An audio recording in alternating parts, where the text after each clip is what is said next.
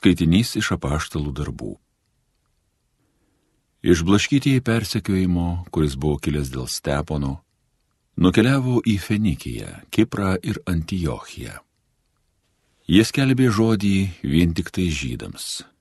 Kai kurie iš jų, būtent kipriečiai ir kireniečiai, atvykę į Antiochiją, kreipėsi ir į graikus, skelbdami gerąją naujieną apie viešpatį Jėzų.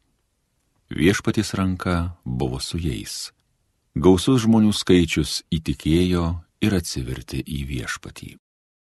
Žinia apie juos pasiekė Jeruzalės bažnyčios ausis. Ir jį išsiuntė Barnabą į Antiochiją. Atvykęs ir pamatęs Dievo malonę, jis apsidžiaugė ir ragino visus likti ištikimus viešpačiui savo širdies nusistatymu. Matys buvo geras vyras, kupinas šventosios dvasios ir tikėjimo. Tokiu būdu viešpačiai prisidėjo nemažas būrys. Barnabas dar nukeliavo į Tarsą ieškoti Sauliaus. Radęs atsivedė jį Antijochijon. Jie du abu ištisus metus darbavosi bažnyčioje ir išmokė gausų būrį. Antijochijoje pirmą kartą imta vadinti mokinius krikščionimis. Tai Dievo žodis.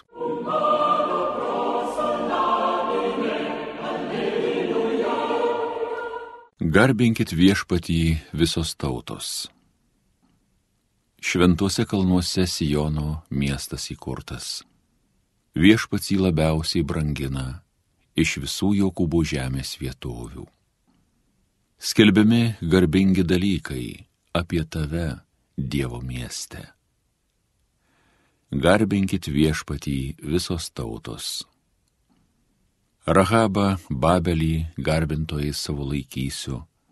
Štai Filistėjos ir Tyro taipogi Etijopijos žmonės, ir jie bus laikomi kaip čia gimę. Ir kalbės apie Sijono kalną. Motin, jam yra čia gimiai visi aliai vieno jį pats aukščiausiasis laiko. Garbinkit viešpatį visos tautos. Viešpats rašys tautų sąrašo knygoj, tautų čia gimtinė, o jos savo gėdos šokdamos šokį, visos manosios versmės iš tavęs trykšta. Garbinkit viešpatį visos tautos.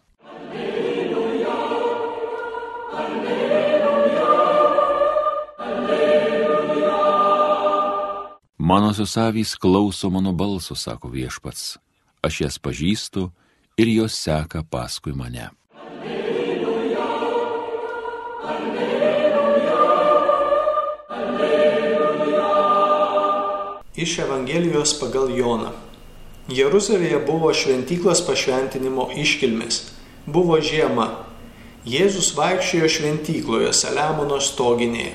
Ten jį apspito žydai ir ėmė klausinėti kaip ilgai laikysi mūsų abejonėse.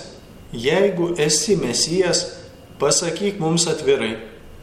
Jėzus jiems atsakė, aš jums pasakiau, tik jūs netikite.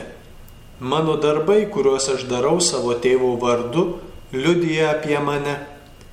Bet jūs netikite, nes jūs nemanusios avys. Manusios avys klauso mano balso. Aš jas pažįstu ir jos seka paskui mane. Aš joms duodu amžinai gyvenimą, jos nežus per amžius ir niekas jų nepagrobs iš mano rankos. Tėvas, kuris man jas davė, yra aukščiau už viską ir niekas jų neišplėš iš tėvo rankos. Aš ir tėvas esame viena.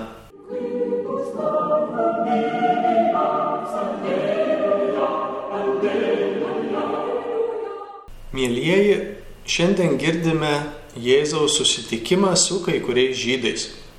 Šie žydai, kurie laukdami Izraelio gelbėtojo, mesijo ateimo, sutikę Jėzų, turėjo sunkumą patikėti, jog jis yra mesijas. Vis laukia iš jo kažkokių argumentų, kažkokių įrodymų, kažkokių ženklų, kad pagaliau patikėtų, jog jis tikrai yra mesijas. Jie laukė mesijo, kokio jie norėjo, bet ne tokio, koks atėjo. Taigi kitokio Jėzus. Ir jie klausia, kaip ilgai laikysi mus abejonėse. Taigi abejonė yra pirmasis išpolis prieš tikėjimą. Žinoma, gali būti, kad abejonė dar net neįtikėjus. Tai yra tiesiog noras kažkaip kitaip suprasti Dievą, negu Jis mums yra apreiškęs per Jėzų.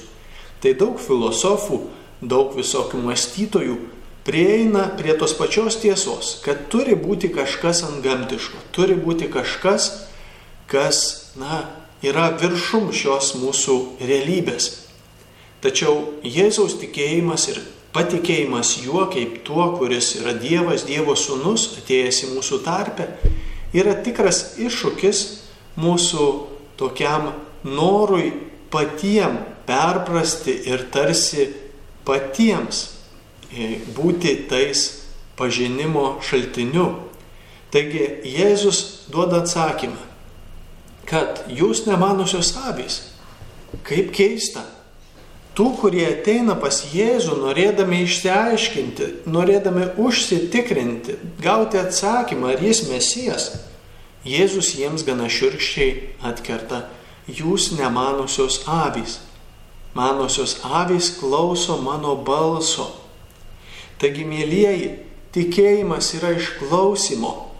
Išklausimo tai, ką Jėzus mums kalba iš nuolankumo priimti šventosios dvasios vedimą, iš nuolankumo būti tais, kurie pripažįstam, kad Jėzus Kristus yra mūsų gelbėtojas iš nuodėmės, kad Jis yra mūsų tikrasis ir vienintelis ganytojas čia žemėje, mums kalbantis per Dievo žodį, mums kalbantis per bažnyčios vyresniuosius, mums kalbantis sakramentuose mums kalbantis ir mūsų širdžių gelmėje. Ta, tas, kuris yra mus vedantis į išganimą. Ką reiškia į išganimą? Tai reiškia per tą avių įvaizdį kaip į amžinasias ganyklas. Ir štai Jėzus sako, jūs nemanusios avys. Kadangi kitoje vietoje vėl girdime, jis kalba, jūsų jūs klausote ne mano balso.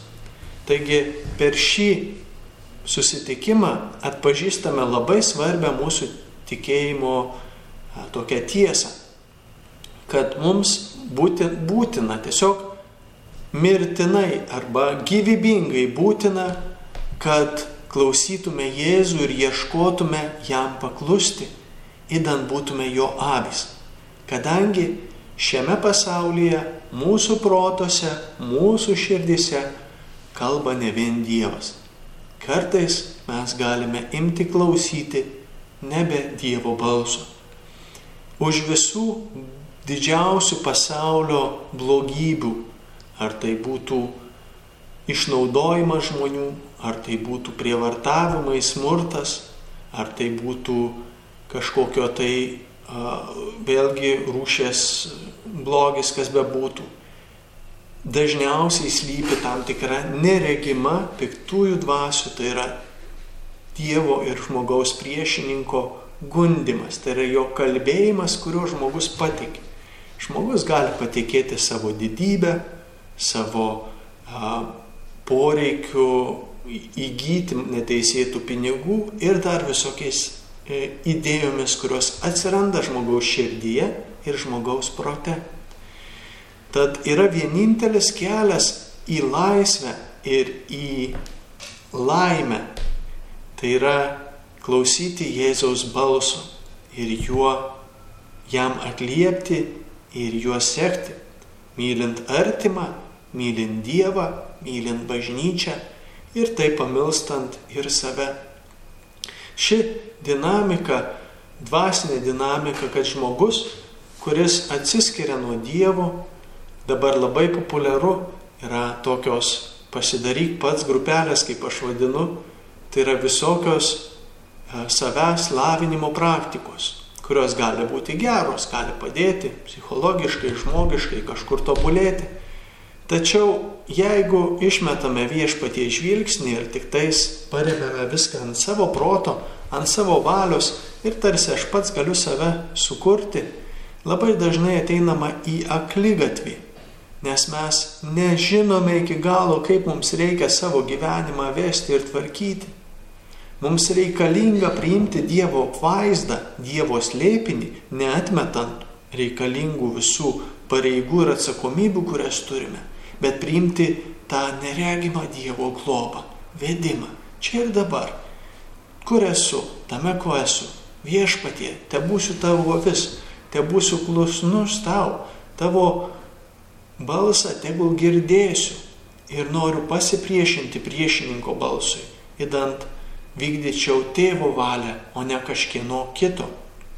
Iš kitos pusės, mūsų pačių supratimas, mūsų pačių žvilgsnis, jis taip pat yra geras. Jis taip pat yra mums Dievo duotas, esame pašaukti laisvai mąstyti, laisvai apsispręsti. Dievas niekada neverčia mums kažką kviesdamas. Jis laukia, siūlo ir sako, tai yra gera, šitai rinkis.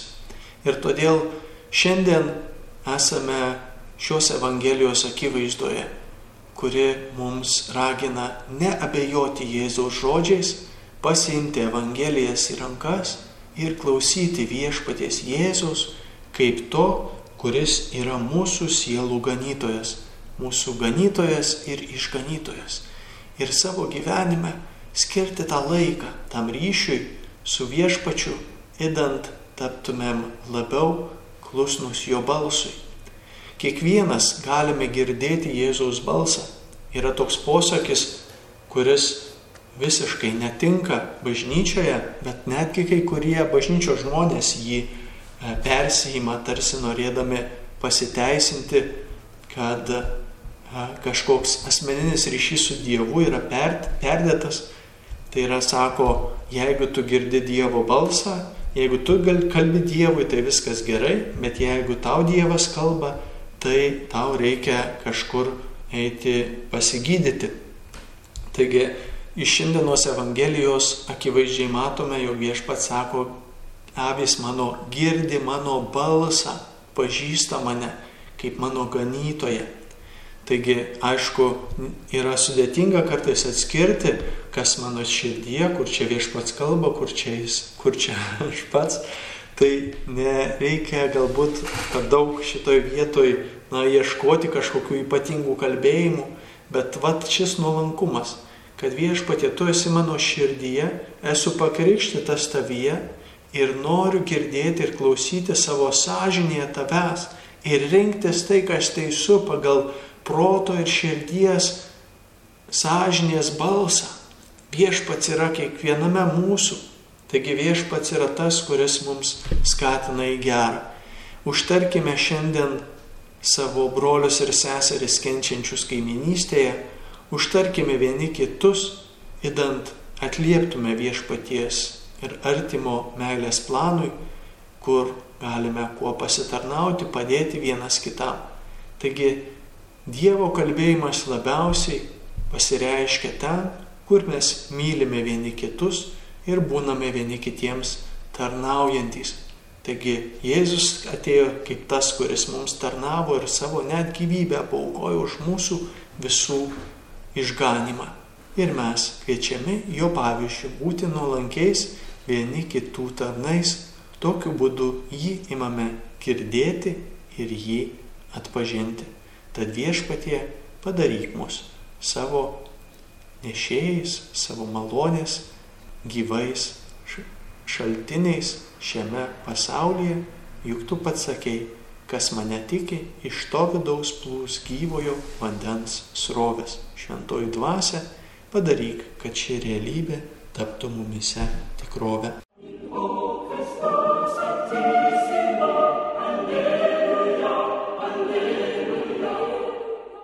Homilija sakė kunigas Andrius Končius.